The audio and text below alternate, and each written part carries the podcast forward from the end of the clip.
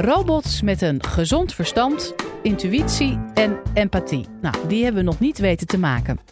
En volgens filosoof en psycholoog Pim Hazelager zijn we hier ook nog helemaal niet klaar voor. In deze podcast vertelt hij waarom het eerst eens tijd wordt dat we allemaal ons robotbewijs gaan halen. Live vanuit Club Air is dit de Universiteit van Nederland. Ja, waarom zijn wij nog niet klaar voor uh, robots? Nou ja, kijk, er zijn een paar zaken waar ik me best wel zorgen over maak in verband met robots. En die, die wil ik heel graag eigenlijk met jullie bespreken. Um, kijk, uh, robots komen eraan. Dat is heel erg duidelijk. Uh, ze komen in onze huizen, onze tuinen, onze keukens en onze bedden. En de redenen daarvoor zijn eigenlijk heel banaal. Uh, de eerste is dat de prijs daalt. Tegenwoordig kostte die, zo'n instapmodelletje, iets van 5000. Haal daar nog één nul van af en je zit in de prijsklasse van een tablet of een tv of uh, een ijskast. En dan gaan mensen die dingen aanschaffen. Dan kun je er misschien nog niet zoveel mee, maar dan ontstaat er een markt, want er is vraag en dan worden de producten beter en het gaat elkaar dan versterken. Dus wij verwachten eigenlijk dat zo uh, over 10, 15 jaar, niemand weet precies wanneer, er iets soortgelijks gaat gebeuren als in de jaren 80 plaatsvond met de personal computer. Dus uh, ik heb zelf mijn eerste basic programmaatjes nog geschreven op de Commodore 64. Die kwam ergens in 80, 81 op de markt. Die was een paar honderd gulden. Daar kon je eigenlijk nog helemaal niks mee. Ik weet nog dat het externe geheugen, dat was een cassettebandje. Daar kun je je nu echt helemaal niks meer bij voorstellen. Uh, maar wat je ermee kon, was nieuw. En leuk, zo leuk dat je hem toch kocht en er toch dingen mee ging doen. En dat versterkte elkaar. En aan het eind van de jaren 80 had iedereen een computer. Nou, zoiets gaat dus ook gebeuren met robots.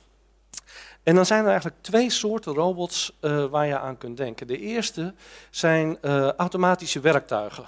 Zoals bijvoorbeeld de Roomba, hè, de stofzuigerrobot die je nu al kunt kopen. Die is heel duidelijk geënt op zijn functie. Dus qua uiterlijk ziet hij er helemaal niet uit als een mensachtige robot, maar is gewoon echt een heel functioneel ding. En je kunt het beste denken aan uh, gereedschapskisten. Eh, een hamer heeft ook een hele specifieke vorm voor die specifieke functie. Alleen is het voordeel van dit soort uh, robotgereedschap dat ze zichzelf ook netjes opvouwen en opbergen. Dat is een, uh, een handige bijkomstigheid. Maar misschien veel belangrijker, en waar ik het nu vanavond vooral over wil hebben, dat zijn mensachtige robots, de zogenaamde humanoids. Die spelen eigenlijk in, omdat ze er zo mensachtig uitzien, op onze sociale gewoontes. Dus ze roepen bepaalde verwachtingen op. En dat is ook de reden waarom robots er heel vaak een beetje kindachtig uitzien. Een beetje jong, een beetje cartoonachtig. Want dan verwacht je misschien nog niet de meest complexe cognitieve vermogens. Je praat er misschien wat langzamer tegen, wat duidelijker en dergelijke. En dat komt heel goed uit, want zo goed zijn ze nog niet in natuurlijke taalverwerking. Um, en uh, mensen kunnen zich dan ook wat makkelijker aan ze hechten. Dus dat uiterlijk, dat humanoïde uiterlijk, dat mensachtige uiterlijk, is eigenlijk heel erg functioneel. Um, maar, maar, dan ontstaan ook een beetje de problemen, want mensachtige robots zijn eigenlijk hele vreemde wezens. Ze zijn een hele merkwaardige mengeling van enorme intelligentie en ongelooflijke stupiditeit. Uh, ze kunnen veel beter schaken of go spelen of feiten ophalen of data analyseren dan mensen. Maar ze schieten ontzettend tekort in wat je zou kunnen noemen common sense, gezond verstand, sociale intelligentie, empathie. Gewoon een beetje meeleven als iemand verdriet heeft en dat door een gebaartje en dergelijke tot uitdrukking brengen. Voelen en willen, dat zijn eigenlijk allemaal nog zaken die ze gewoon niet goed in hun mars hebben. En ik maak me ook wel een beetje zorgen over bijvoorbeeld bepaalde documentaires die dan robots in de zorg, hè, voor, voor ouderen in uh, verzorgingstehuizen laten zien. Er zijn documentaires geweest over robots die Alice heten of Sora. En uh, als je die documentaires ziet, die vaak heel mooi gemaakt zijn, dan zie je zo'n mevrouw in een bejaardentehuis een heel gesprek hebben over haar man die overleden is en dergelijke. Wat daar allemaal de gevolgen van zijn en hoe zo'n mist enzovoorts. En dan zegt die robot allemaal hele verstandige dingen terug. Maar wat ze in die documentaires niet goed laten zien, is dat er nog steeds een mens in de loop zit, die meehelpt bij het bepalen van de antwoorden die die robot geeft. Want het is één ding om natuurlijke taal te begrijpen, in de zin van dat je kunt verstaan welke woorden zijn uh, gebruikt. Maar het is iets fundamenteel anders om te snappen waarom iemand verdrietig is en wat je dan het beste terug kunt zeggen, of dat je misschien beter maar gewoon even je mond moet kunnen houden. Dat is nou sociale intelligentie die robots nog niet bezitten. En die documentaires laten eigenlijk een beetje misleidend beeld zien van robots. Misschien nog veel belangrijker dan uh, uh, sociale intelligentie is die common sense waar ik het al eerder over had. Gezond verstand, het goed inschatten van uh, een, een, situatie en mensen. Dus als ik u, u, hier deze scène laat zien en ik zeg tegen u van nou ja, die, die meneer die probeert die mevrouw uit het raam te halen, dan denkt u nou, vind ik toch wel een beetje ver gezocht. Of als ik zeg van nou ja, die mevrouw probeert die meneer de binnen te trekken, dan zegt hij kan toch helemaal niet? Hoe kom je erop? Wat daar gewoon gebeurt is dat mensen afscheid van elkaar nemen. En zo gauw die trein gaat rijden, laten ze elkaar heus wel los. Niks aan de hand. Klinkt heel simpel. We zijn daar niet per se trots op. We zetten dat niet in onze cv. Wat ik nou weer gezien op het station, weet je wel, prachtige... Dat was hartstikke duidelijk voor me hoor, dat kan ik heel erg goed. Dat vinden we normaal. Maar hoe komt het nou dat we zo'n interpretatie zo makkelijk kunnen formuleren?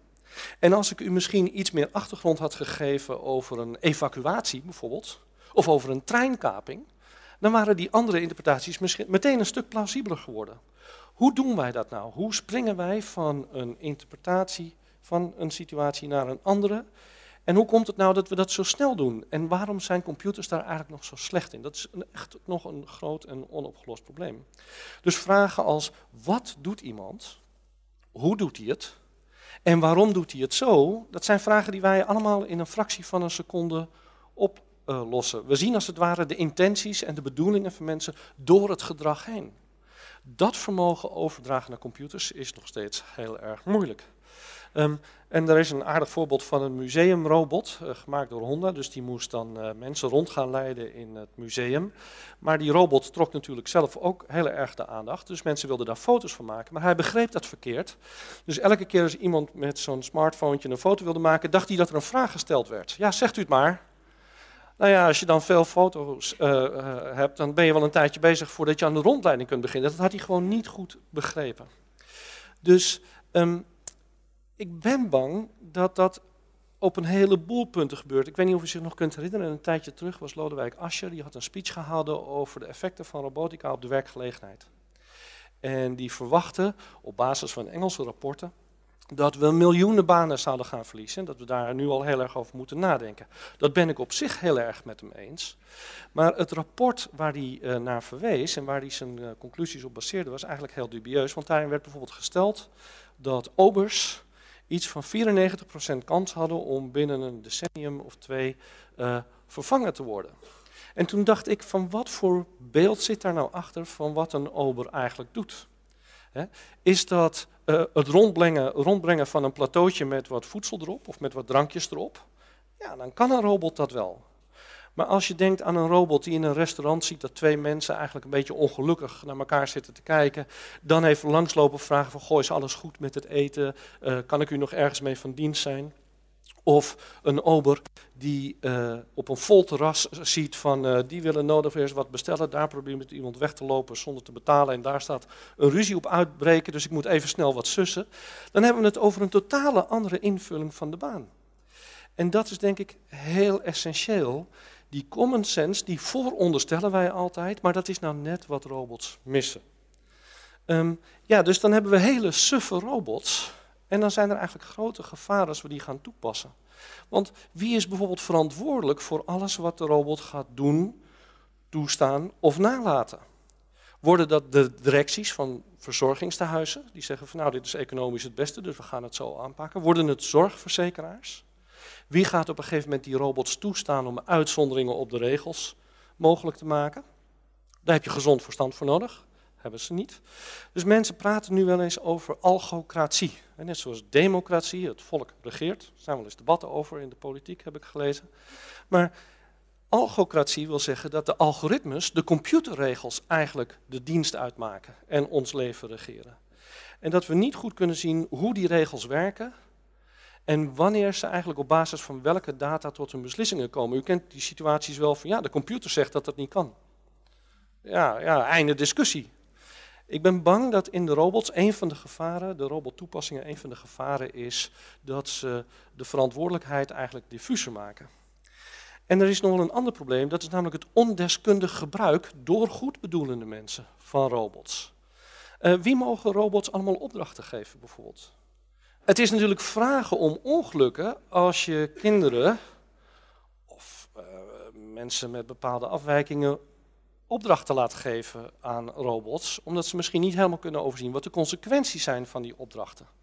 Uh, er is een ander gevaar en dat is privacy. Uh, robots nemen natuurlijk dingen op. En die nemen je teksten op of die hebben camera's zodat ze je kunnen filmen. En er is bijvoorbeeld nu een robot Pop teruggetrokken door de speelgoedwinkels, omdat hij eigenlijk buitenstaanders toegang gaf tot de kinderkamer via die robot. En daar moeten we dus heel erg goed over nadenken. Dat is die uh, robot Friend Kyla. Die wordt nu gelukkig niet meer verkocht. Dus in totaal zou ik willen zeggen, we moeten geen robots vervangen, uh, we moeten geen mensen vervangen door robots. Behalve misschien voor saai of voor vuil of gevaarlijk werk. Maar juist bij contact met mensen moeten we robots gebruiken als aanvulling op of ondersteuning van, maar in ieder geval niet vervanging van mensen.